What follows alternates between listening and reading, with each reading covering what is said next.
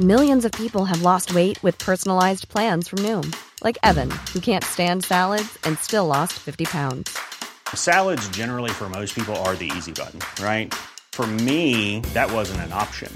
I never really was a salad guy. That's just not who I am. But Noom worked for me.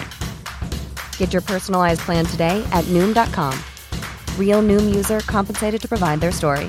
In four weeks, the typical Noom user can expect to lose one to two pounds per week. Individual results may vary. Here's a cool fact a crocodile can't stick out its tongue. Another cool fact you can get short term health insurance for a month or just under a year in some states. United Healthcare short term insurance plans are designed for people who are between jobs, coming off their parents' plan, or turning a side hustle into a full time gig. Underwritten by Golden Rule Insurance Company, they offer flexible, budget friendly coverage with access to a nationwide network of doctors and hospitals. Get more cool facts about United Healthcare short term plans at uh1.com.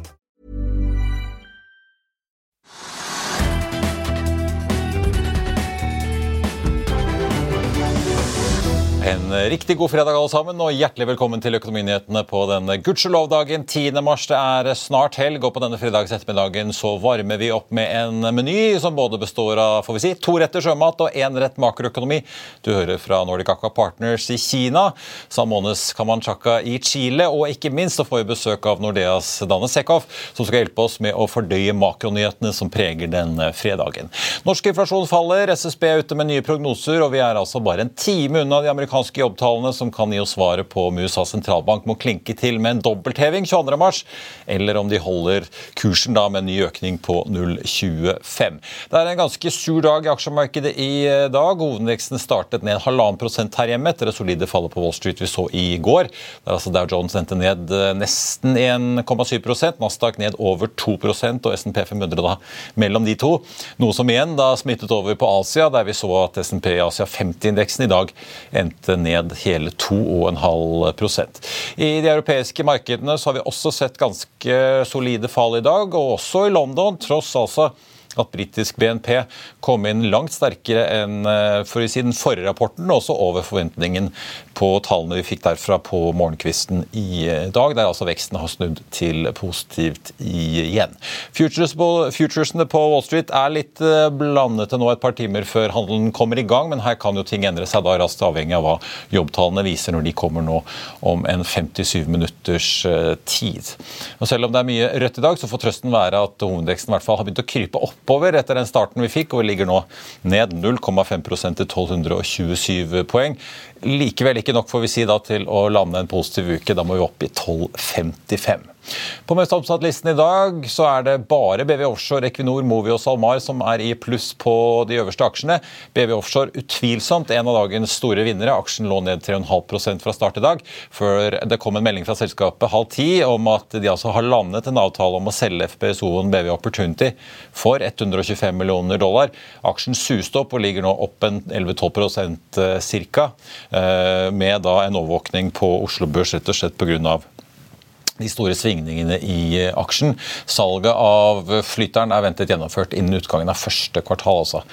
Da får vi si før påske. Navnet på kjøperen er ikke offentliggjort. BV Offshore-aksjen for øvrig opp nå nesten 22% eller 20 da, hvis du ikke regner med utbytte.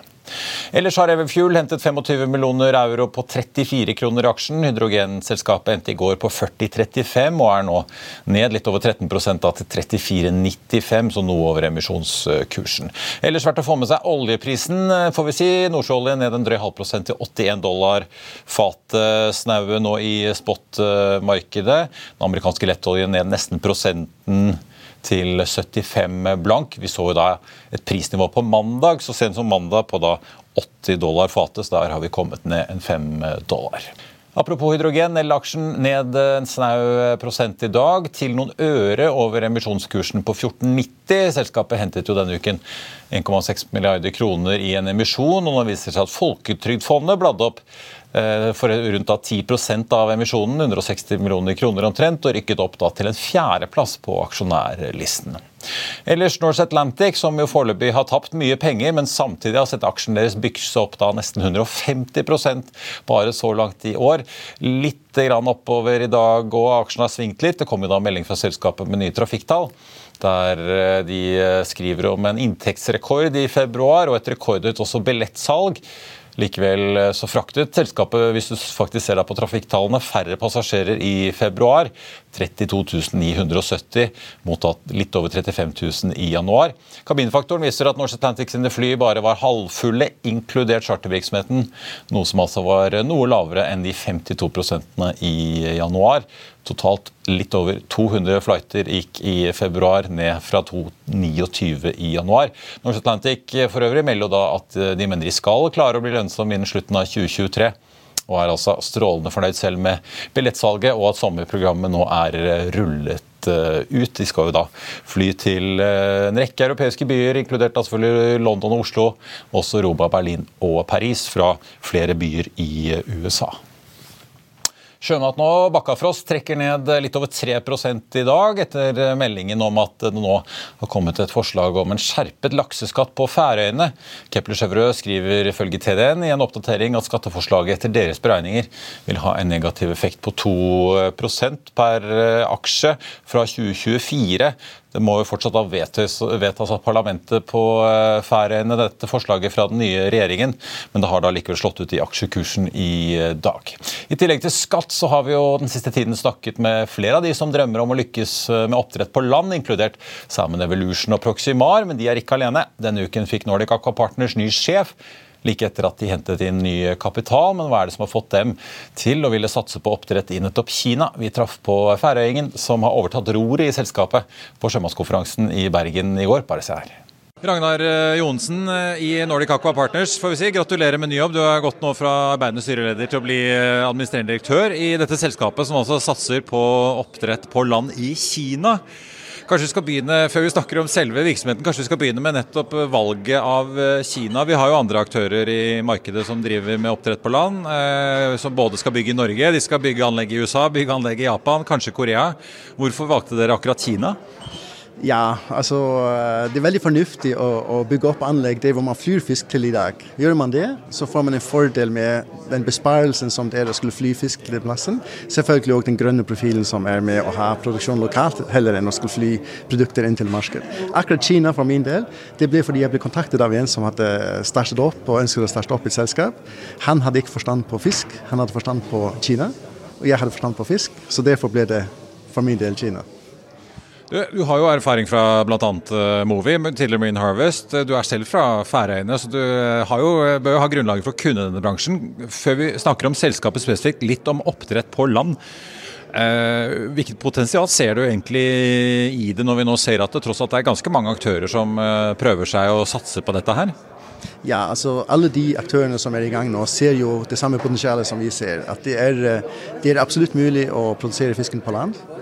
Og det blir vanligvis gjort til en kostnad som er litt over det som uh, produksjonskostnaden er i dag. Så, men men uh, hvis man er i et marked hvor man flyr fisk inn til dag, så er inngangsprisen til markedet langt billigere faktisk enn en, uh, dagens produksjon fra Merit og så fly over til disse markedene. Så på den måten så her er det absolutt et potensial for, for landbasert oppdrett. Men det kommer i tillegg til dagens produksjon i sjø. Det kommer ikke i stedet for. Ja, ikke sant. Det, fordi markedet skal jo vokse. Kina er vel det største markedet i verden. Nå er dere så vidt jeg skjønner i gang med bygging. Dere har nylig hentet 300 millioner kroner i en uh, emisjon som dere sier skal få dere til 8000 tonn. Kan ikke du ta oss litt gjennom på en måte planene her? da, fordi at uh, De første fisken skal dere hente opp og slakte allerede neste år, men 8000 det tar et år til? Ja, altså vi startet uh, med vår produksjon av fisk med å legge det første rognen for et år siden, mars i fjor. Og så har vi sagt at det tar to år fra du legger rognen inn til du kan slakte fisk. Så den fisken som ligger inne i anlegget nå, den er vi klare til å slakte på om et år. Men eh, nå tok vi som du sa, akkurat en beslutning om å hente inn flere penger så vi kan bygge ut ikke bare til 4000 tonn, men ta det opp til 8000 tonn. Uh, og nå designer vi så det nye anlegget, så at uh, mot årsskiftet så er vi klare til å legge rognen inn for, for 8000 tonn. Og det vil si to år etter det, årsskiftet eh, det blir da 25-26, da kan vi da begynne å slakte på 8000 heller enn 4000 tonn. Mange i næringen, i hvert fall får vi si, de som opererer i fjordene i Norge, fikk seg jo et sjokk i fjor høst da norske myndigheter kom med denne skattepakken, som vi nå kanskje før påske får de endelige detaljene på. Men likevel, eh, når dere nå satser, er det sånn at dere ønsker å være i flere land enn Kina for å spre risiko, eller ser dere på Kina som et så stort marked at dere bare kan satse der? Ja, altså For oss er Kina stort nok. Vi, vi vil konsentrere oss om Kina. Eh, det er helt klart. Og Skattesatsen som kom i Norge, er helt sikkert ja, et sjokk for alle i bransjen. Eh, hvis man sammenligner bare sånn, hva er skatteprosenten i Kina, det hvor vi skal drive oppdrett i forhold til her, så er innkomstskatt, eh, eller corporate income tax i Kina, den ligger på 25% Men ettersom vi blir klassifisert som landbruk, så er det 12,5% Så det er vesentlig bedre enn det man kjenner til her. Ja. Fortell litt om uh, hvilken løsning dere har gått for her. Da, for det er jo litt forskjellig på disse ulike oppdretterne på land. Uh, hvor mye vann man hele tiden må hente fra sjøen, og hvor, man, hvor mye man resirkulerer. Uh, hva slags løsning har dere gått for? Vi har gått for RAS-løsning, dvs. Si full resirkulering av vann. Det er en løsning som gjør at man er veldig fleksibel på hvor i verden man kan plassere dette anlegget. Hvis man har gjennomstrømning, så er man bundet til de temperaturene som passer til laks. og Da skal man helst være i nordlige strøk. Eh, hvis man tar en mellomløsning, som noen velger å gå for som er sånn en hybridløsning, da kan man ha litt større utvalg, og vi har full fleksibilitet hvor, hvor, hvor vi kan etablere oss i verden. I emisjonen deres så var det jo bl.a. Uh, dette store investeringsselskapet Israel, Israel Corp, som var med og bidro med kapital. Hva er det de ser i selskapet deres? Ja, men altså, man ser jo et fantastisk marked først og fremst for laks. hvis man sammenligner prisen som er i Norge, som er fantastisk for tiden, så er det dobbelt opp når man kommer over til Kina. Så det er fantastiske marginmuligheter når man kommer inn til det. Det er nok spesielt den vinklingen de ser at Kina er så et marked med, med gode, godt betalende eh, kunder. Til slutt må jeg høre, Dere har jo planer om en gang i fremtiden og kanskje nå 25 000 tonn i året, kanskje 50 000 tonn i året. Hva er det som skal få dere dit? Jeg antar jo at eh, etterspørselen er jo stor nok i Kina til å ta unna 50 000 tonn i året uten problem. Men er det at dere må få ned kostnadene per produserte kilo, eller er det det å få nok kapital inn fra investorer som på en måte er nøkkelen for å faktisk realisere de eh, langsiktige målene? Ja, vi skal nok ha flere ting på plass. Eh, blant annet så skal vi hente inn flere penger hvis vi skal bygge produksjonen videre opp.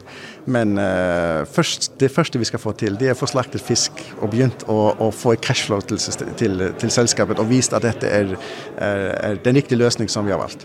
Og det, vi så til, det steget kommer vi til i mars neste år. Da skal vi slakte den første fisken, og, og så starter liksom den delen av, av selskapet hvor vi blir positive på cash. Life is full of what ifs. Some awesome, like what if AI could fold your laundry? And some, well, less awesome, like what if you have unexpected medical costs? United Healthcare can help get you covered with Health Protector Guard fixed indemnity insurance plans they supplement your primary plan to help you manage out of pocket costs. No deductibles, no enrollment periods, and especially no more what ifs. Visit uh1.com to find the Health Protector Guard plan for you. I'll see you in court. Vi sier det ofte litt på spøk, men for deg som driver business, er det aldri moro å innse at du ikke har laget en 100 gyldig kontrakt. Du bør ikke risikere hele firmaet ditt fordi du synes dette med kontrakter er litt stress. En avtale er ikke en avtale. Du kan miste kunder, miste venner, ja, til og med miste inntekter om du ikke lager en skikkelig kontrakt, på alt mulig, egentlig. Men vi vet det er et styr. Kopimaskiner, tregprinter og haugevis av papir. Dessuten stoler vi jo på folk her i landet. Det er ofte litt kleint å skulle be om en signatur for alt mulig, ja, for mye av styret handler også om jakten på underskriften. Det finnes en enkel måte å løse dette på, Dukkobit, en trygg, effektiv og get this, gratis måte å sikre seg en god natts søvn pluss en juridisk bindende avtale. Dukkobit-appen har de strengeste sikkerhetskrav i bunn, samt en EU-godkjent og sertifisert teknologi. Framover vil det bli behagelig å spørre du, skal vi skrive under på det, eller? Kom i gang på dokobit.no. Da skal vi ta inn dagens gjest, for eh, nå er det ikke lenge igjen til vi får non-farm-tallene fra USA. Men vi har jo allerede fått de norske KPI-tallene for konsumprisindeksen og inflasjonen. De overrasket jo i januar med å hoppe opp til 7% Nå er den nede igjen på 6,3 mot ventet 6,7. Og kjerneinflasjonen endte på 5,9 mot ventet 6,3. Velkommen, Danne Sekhoff, seniorstrateg i eh, Nordea. Takk et tall mange har fulgt uh, spent med på. fordi uh, Som både kollegaen min Kjetil Olsen snakket om i går, og som vi jo har diskutert, så er det både dere og andre venter jo at Norges Bank kanskje nå må jekke enda hardere til. helt opp til 3,75. Tror du fortsatt på 3,75 nå når uh, inflasjonen i februar i hvert fall var litt bedre enn det man kanskje kunne frykte? Altså, ja, vi gjør det. Ja. Det korte svaret. Um, dette tallet vi fikk i dag, uh, var jo på en måte bedre enn uh, vi så for oss og mange andre, i tråd med Norges Bank sin. Det underliggende prisveksten kom på 5,9, akkurat ja. som Norges Bank trodde. Og hele nedgangen fra, forrige, fra januar måneden, uh, fra 6,4 til 5,9. Mye av det kan forklares med lavere vekst på matvareprisene. Det er slik at Matvareprisene stort sett justerer oss opp to ganger i året. I februar har det vært eh, priskrig mellom eh, butikkjedene, som har ført til lavere prisvekst enn det var forrige år, og dermed nedgang i den underliggende prisveksten. Det er den gode nyheten. Eh, så du kan si at dette er fjernet litt av presset som ellers hadde vært på Norges Bank, dersom inflasjonen hadde holdt seg høyere på det. Men likevel så har de en jobb å gjøre, og vi tror at de fortsatt skal heve til 3,75% i løpet av sommeren. Og Det henger jo sammen med at én ting er hva prisveksten har vært i januar og februar, men det er utsikter til at prisveksten dessverre kommer til å holde seg høyere eh, lengre enn det de eh, så langt har sett for seg. Ja, for jeg bet jo merke SSB skrev jo i morges, da, seksjonssjef SB Kristiansen, at uh, det er jo fortsatt matvareprisene som bidrar til at vi er på 6-7-tallet, uh, liksom og ikke er på 2-3-4-5. Men likevel, som du var inne på, matprisen økte da med 1,6 fra januar til februar. I fjor var det 4,5 jeg tenker da Spørsmålet blir jo ok, hva, gjør, hva skjer med matprisene hvis, eh, hvis, de begynner å skru opp prisen og konkurransepresset avtar? Og så har vi også kronekursen, mm. som jeg også vet du er opptatt av, og veldig mange har fulgt med på. Vi snakket litt om det med Philip Sissener i morges. Ikke bare er kronen veldig svak, men den svinger jo veldig mye. Altså, jeg satt og så bare på historikken på euro og dollar bare fra i fjor vår. Det er liksom over tid, under tid. Det er svære utslag, egentlig. Så til og med norsk industri mener at nå er kronen liksom vel, vel ute å kjøre. Og Det hører man ikke ofte, at norsk industri sier at eh, kronen er svak nok. ikke ja. Eh, for dem er det jo stort De er glad i å selge møbler og ting ut av landet med god kurs. ja. Det er som du sier, Kronekursen har svekket seg mye den siste tiden. Eh, og det er usikkerhet i børsene i dag. Det har vært stor usikkerhet det siste året i takt med rentehevingene fra globale sentralbanker. Men den siste tiden har presset på krona vært fra høyere renter i eurosonen. Eh, for første gang siden finanskrisen så får vi trolig like høye renter i eurosonen som i Norge. På 3% ECB skal heve til 3 neste uke. Norges Bank skal heve mest sannsynlig til 3 om, et par uker. Og Det er en stor endring. For vi har pleid å ligge over? Vi har pleid å ligge godt over. Uh, rentene i Norge har pleid å ligge godt over rentene i Europa i lang tid. Uh, og Hvis vi ser på hva markedet priser fremover, hva markedet tror Norges Bank vil ha uh, på styringsrente fremover, så tror markedet nå at styringsrenten i Norge kommer til å ligge kontinuerlig under styringsrenten i Europa. Så det er en stor endring som gjør at krona har blitt mindre i favør. Ja, fordi da, da, er det som internasjonal investor da, så får du ikke det der ekstra påslaget for å mm. sette pengene i norske kroner, så du kan like å sitte i euro. Absolutt. Og når markedet er litt usikkert og volatilt, så er det kanskje vel mm. så hyggelig å sitte i en helt... stor tysk bank enn ja. DNB, liksom. Ja. Ikke for å rakke ned på DNB, men likevel. Nei, da, altså, Norge, Den norske krona er jo lite illikvid valuta. Uh, og Det samme kan du egentlig si om svenske krona. Små valutaer, veldig sensitive for uh, utslag i markedet. Og Samtidig så gir de lavere renter. Da er det litt no-brainer. Eh, hvis du ser på de store GT-valutaene, så er det bare Japan og i Sveits hvor rentene er ventet lavere enn i Norge. Så vi har sånn sett den tredje laveste renteforventningene. Eh, Sverige ligger høyere enn oss, eh, Europa og USA, men ikke minst Australia, New Zealand og Canada. Og dette her, det at ECB har gått kraftigere til verks, for det første så har de et alvorlig inflasjonsproblem i Europa også. Inflasjonen var høyere, og vi ser at den sprer seg på tjenestene. Men også har det gått langt bedre enn man fryktet i økonomien. Så det gjør at de rett og slett kan sette opp renta og holde den høyere lengre. og Det må de trolig. Og det setter også presset på Norges Bank gjennom en svakere valuta. Nå så vi euroen ligger på en 11,28 eller 11,30 rundt ca. i dag. Uh, har svingt altså over under 10 gjennom høsten. Eh, dollaren ligger liksom på 10,65. Den var på 8,60 i fjor vår. Mm. Men også svingt liksom, nesten til 11 i løpet av høsten i fjor. Det at det selvfølgelig er dyrt å være nordmann i utlandet, er jo én ting, men vi importerer jo mye varer og sånn inn i landet. Eh, det har jo vært en stor faktor i prisveksten, har jo vært importen av varer inn i mm. Men hvor mye mer ser dere er igjen? på En måte? Altså En ting er jo prisveksten vi har hatt, men hvor mye mer prisvekst kan vi få nå som vi da er på disse nivåene vi er, hvor da dollaren nesten koster 11 kroner? Mm. Det, det, er vel det som kanskje Norges Bank Absolutt. følger med på nå? Absolutt. Det er ekstremt viktig. og Det har vært en stor diskusjon hvorvidt det er riktig at Norges Bank har økt renta så mye fordi eh, mye av inflasjonen så langt har vært importert. Men det er to ting som påvirker den importerte prisveksten. Én ting er prisen i utlandet, det andre er valutaen. For et år siden var jo kronekursen 8% sterkere enn den er i dag. I dag er kronekursen 6,5 svakere enn det Norges Bank trodde den skulle være i desember. Så åpenbart har dette store konsekvenser for den importerte prisveksten fremover.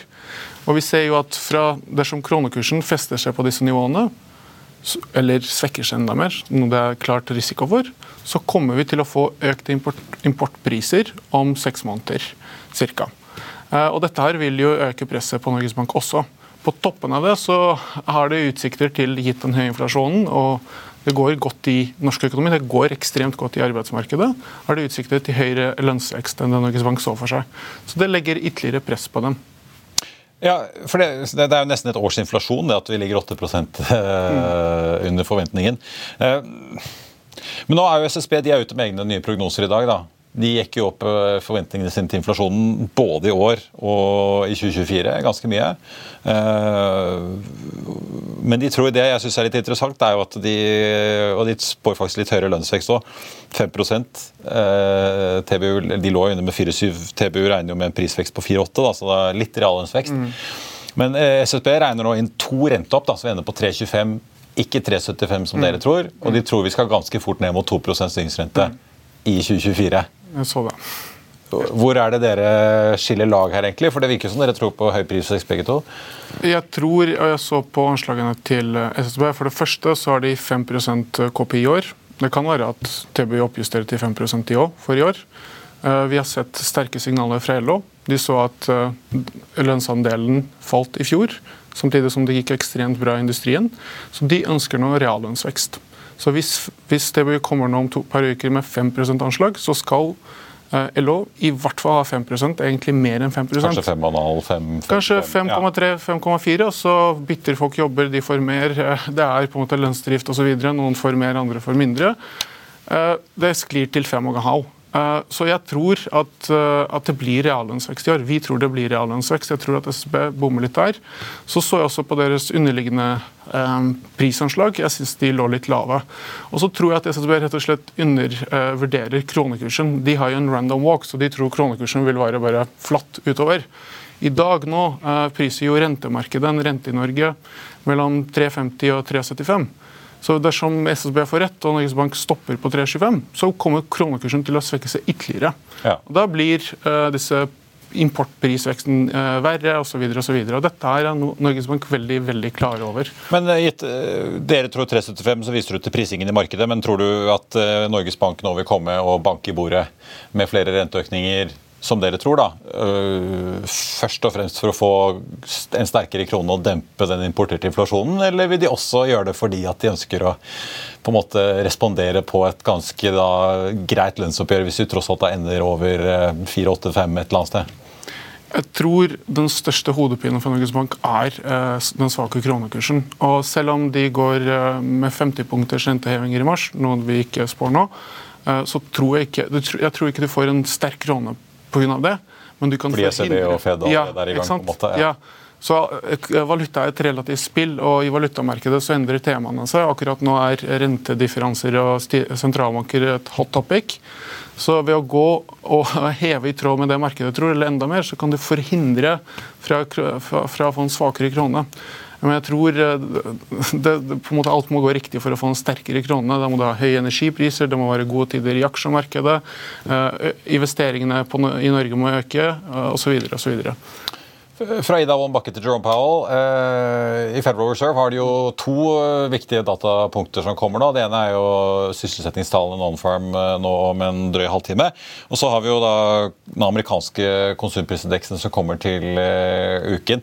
I, januar da, så så vi jo, eller for januar da, 517 000 nye jobber som overrasket alle, egentlig. Det kan jo være at det kommer store revisjoner der, vi får se. Mm. Nå ventes det jo 188 000 da for februar. 2,23 i desember. Mm. Hva, hva, må komme i den rapporten om en drøy halvtime for uh, at uh, Jerome og co. skal få litt uh, få de dataene han egentlig snakker om at han må se? da, fordi Han mm. snakket jo i Kongressen i Representantenes hus i går. En ting var Senatet på dag én, men dag to snakket om at hvis vi ser datapunkter som tilsier at uh, inflasjonen ikke kommer ned, så er vi villige til å gå kraftigere til verks her. og Det er jo det kanskje alle frykter. Så hva er det han må se i ettermiddag og, og neste uke, tror du? En ting er Det tallet du, det er veldig mye fokus om hva blir sysselsettingsveksten. og Nå venter man rundt 200 000 nye jobber i, for februar. Um, er, det, er, det, lavere enn det, så er det gode nyheter. Um, er det på en måte kommer vi over 300, så er det dårlige nyheter. Uh, kanskje langt viktigere av hva blir lønnsveksten. Lønnsveksten har vært veldig høy i USA. Hvis de ser tegn til at ikke bare avtar sysselsettingsveksten, men også lønnsveksten kommer ned, det er gode nyheter. Fordi slaget i USA eh, det handler om eh, tjenesteinflasjonen, og den er veldig påvirket av lønnsveksten. Lavere lønnsvekst, lavere tjenestepriser, du kommer ned mot 2 Det er det de egentlig ønsker å oppnå. Og så ønsker de å se høyere sysselsettingsdeltakelse. Men dessverre er det slik at de, de er en rekke strukturelle problemer som holder eh, deltakelsen Det er for få i jobb rett og slett ja. av befolkningen? Ja, befolkningen. ja. Og det, det, er mange teorier ute, bl.a. at childcare. Altså um, skal du ut og um, skal barna på barnehage, så må du kanskje betale 30 dollar i timen, men du tjener ikke 30 dollar i timen ved, ved å jobbe. Så det er sånne problemstillinger som er litt mer strukturelle. Jeg tror jeg, Langt viktigere er egentlig CPI-tallet, som kommer uh, nå på tirsdag. Uh, der venter markedet at inflasjonen skal avta litt. Den underliggende prisveksten har ventet en tiende lavere, på rundt 5,5. Og Det viktigste der vil være egentlig hva skjer måned over måned. for Nå har vi disse baseeffektene, så det er grunn til å tro at år over år veksten vil avta. Måned over måned var jo på 0,4 forrige måned. Uh, og det er grunn, Markedet tror at det vil flate ut. Jeg tror det kan komme en, en overraskelse. Og, og det, det, skyldes uh, i og med at i forrige måned så, så vi at bruktbilprisene, som har vært en veldig viktig drivkraft her, falt i KPI-tallene, mens de steg i markedet. Og KPI-tallene måler disse bruktbilprisene med en lag. De har steget både i januar og i februar. Så det ligger an kanskje til en positiv overraskelse der. Eh, så vi får se. Vi har tatt eh, feil før. Eh, men, men det CPI-tallet vil være helt klart det viktigste for Fed. Ja. Er, uh, vi, får, uh, vi, får, følge med. Du, uh, kort til slutt. bankaksjer. Vi ser DNB ned nesten to, har vært liksom nesten 1-2,5% i dag. ser ut som det fallet i hvert fall kommer av det fallet vi har sett i en del store bankaksjer utenlands de siste par dagene. Mm. Vi har jo blitt fortalt at jo, banknæringen de tjener jo på økte renter, for da pleier de å få økte rentenetto, at uh, lånerentene øker fortere enn innskuddsrentene, så de har bedre marginer. Uh, så så vi jo Silicon Valley Bank uh, slite om å hente penger nå. Det er nå én ting. Men hvorfor dras disse store bankaksjene ned, tror du? Det er litt at For det første så frykter man at sant, det som rammet Silicon Valley-banken, var at de hadde under pandemien så hadde de masse innskudd. De investerte i lange statspapirer som ble, ansett som veldig trygge. Da. Staten betaler jo eh, lånene sine tilbake.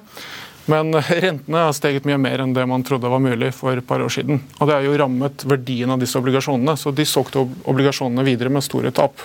Fordi eh, de som hadde innskudd i banken, ville ha pengene sine tilbake. Ok, Da må vi selge disse obligasjonene for å generere penger for å tilbakebetale innskuddbetalene våre. Det er mange flere amerikanske banker som sitter på obligasjoner som de er pliktige til å investere i. Og man, Det man frykter, er egentlig en sånn klassisk bankrun. Altså, hvis mange nok trekker ut pengene sine samtidig, så må bankene kvitte seg med sine assets. Da må de selge obligasjonene. Og Realisere verditapet som ligger der. ja. Eh, så jeg tror dette Man får nesten sånn Bear eller Lehman 2.0 vibes. Eh, men det, er store forskjeller fra banksektoren under finanskrisen og nå. Det er kommet mange strege regler underveis. Og den, den, banken dette her angår, er jo veldig eksponert mot tech-sektoren. og det er en venture capital bank, ja. Mens de store bankene er mer diversifiserbare. Så jeg tror dette er en mer sånn kortsiktig turbulens. Det er nå i hvert fall testen kommer om eh, alle disse regulatoriske kravene virkelig har gjort susen ja. eller ikke. Ja. Dan Sekhoff i Nordea seniorstrateg, tusen takk for at du kom til oss, og god helg. Da skal vi tilbake til sjømatkonferansen i Bergen og høre fra en i næringen som har hatt et par tunge år med pandemi og biologisk eh, krøll, får vi si, men som i 2022 fikk et ordentlig comeback og er tilbake i pluss i regnskapet. Men hva tenker egentlig den chilenske oppdretteren Samones Kamanchaka om konkurransebildet nå som deres norske konkurrenter får smelt en stor og saftig ekstraskatt i fanget? Bare se her. Ricardo Garcia Holtz in uh, Salmones uh, Camanchaca in uh, Norway uh, to present uh, your company, who I guess has had quite the comeback year in 2022 after uh, challenging uh, both pandemic as well as some biological issues with algae in 2021. Uh, how are you feeling on the way into 2023 now? Do you feel you have control of the business and things are looking better? We have always felt in control of the business. Huh? I came here in 2018 for the IPO of our company in the Oslo Bourse. It was a fantastic journey the first two years, 2018 and 2019. Unfortunately, we have the pandemic, which everyone everyone suffered. That collapsed the demand for salmon, as well as many other things in the in the food service uh, segment in the restaurants, and that uh, impacted the price. Uh, and therefore, we had a very rough 2020 because of the price and market condition. In 2021, we have in one of our fjords of the Patagonia a big algae bloom that affected us and impacted us uh, during the early part of 2021. But after the second part of 2021 and all through 2022, there has been a fantastic journey again. We are back and better than before the pandemic, uh, both in terms of revenue and, uh, and uh, profits. And, and we look for a very good 2023 as the market is very strong. Supply globally is very limited. Uh, the growth is negligible uh, at the global level, and therefore uh, the, the, price looks very strong. Eh? And one of the reasons why is that is because consumers has realized two things. First is that the salmon is a great product, good for health, and the lifestyle of the people has changed after the pandemic. So they want a better product, a better protein, and salmon is a good response to that. But secondly, because people have learned, particularly in the North American market, how to cook salmon at home. Uh, something that didn't happen in the past. In the past, most of the salmon in some of the countries, not maybe Europe, but definitely in the North American market, happened in the restaurant. When people learn how to cook at home, now they eat salmon at the restaurant and also at home. So the demand is stronger than before. So uh, tell us about 2023. You turned uh, your numbers around last year, delivered a profit again. Uh, you're guiding now for around 45,000 tons Atlantic salmon in 2023, uh, which looks like a sort of flattish development from uh, last year. But could prices increase your profits this year, or how does it look? No, the, the, the, we, we see the volume for 2023 uh, increase at about 10 percent uh, thanks to our, our Pacific salmon production. Eh? Not so much on the Atlantic, but yes on the uh, Pacific salmon. Uh, we are going to double the production of Pacific salmon this 2023, and again we will increase by 50% in 2024 the Pacific salmon production. Uh, and, and in 2024 we expect to get back into the uh, pre-pandemic Atlantic production. That's where the growth is coming for 2023 and 2024. This is a company that produces 65 to 70,000 metric tons of both uh, Pacific and Atlantic, and that is what we are going to uh, target for 2024. Being a, an international player outside of Norway, uh, I was wondering what your thoughts are on the debate going on here in Norway about taxation and how that's affected your competitors. Are you seeing any increased investor interest? uh, to your company and the Chilean sector, given that uh, the picture in Norway and the numbers in Norway probably will look different going forward? No, it's too early to say that. Uh, you are still in the middle of the debate in Norway of exactly how bad is going to be this tax. This tax is, in our view, as a Latin American uh, player, an expropriation. Uh, of the profit of the company and the results that will impact severely the industry. Um, and it, it, has proven something uh, that looked uh, unlikely a year ago, which is that Norway is as unstable uh, regulatory wise as the Latin America. Hmm? So for us, these things uh, should settle down before we see any uh, further interest uh, of Nordic investors in, in, in, the Latin American assets. Huh?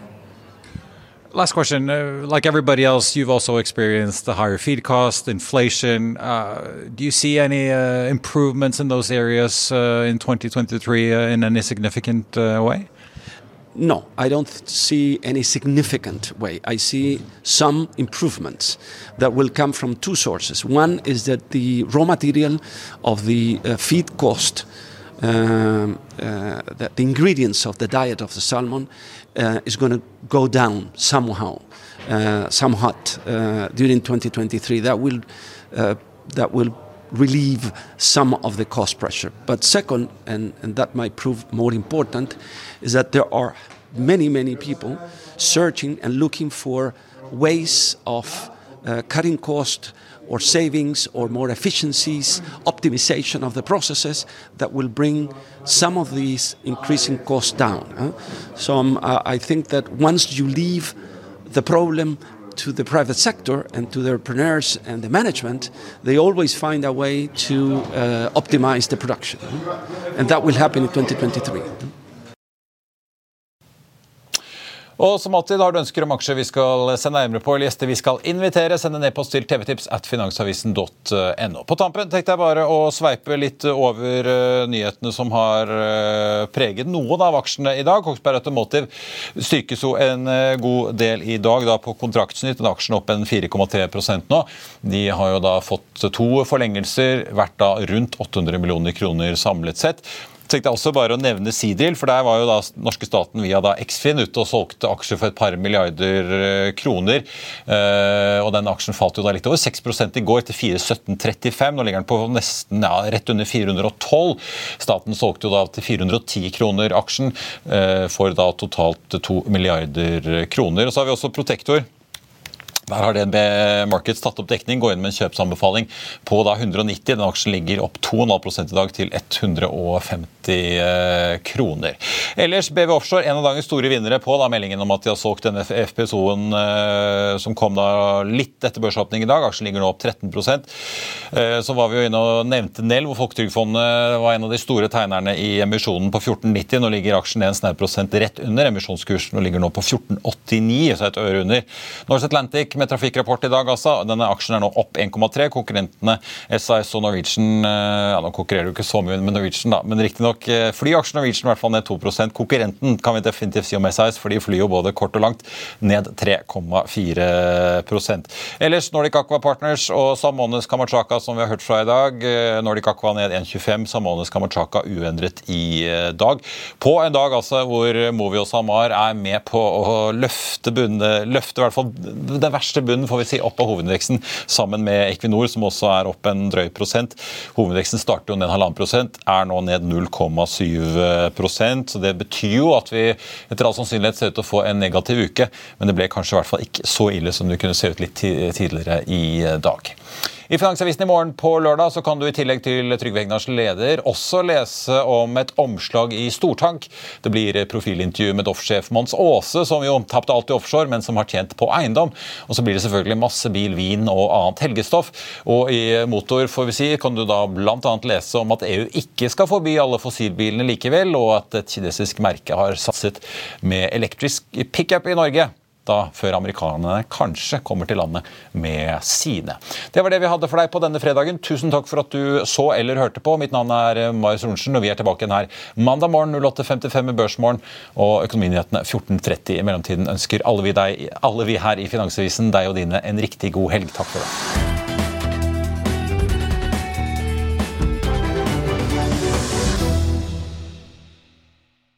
Økonominyhetene er en podkast fra Finansavisen. Programledere er Marius Lorentzen, Stein Ove Haugen og Benedikte Storm Bamvik.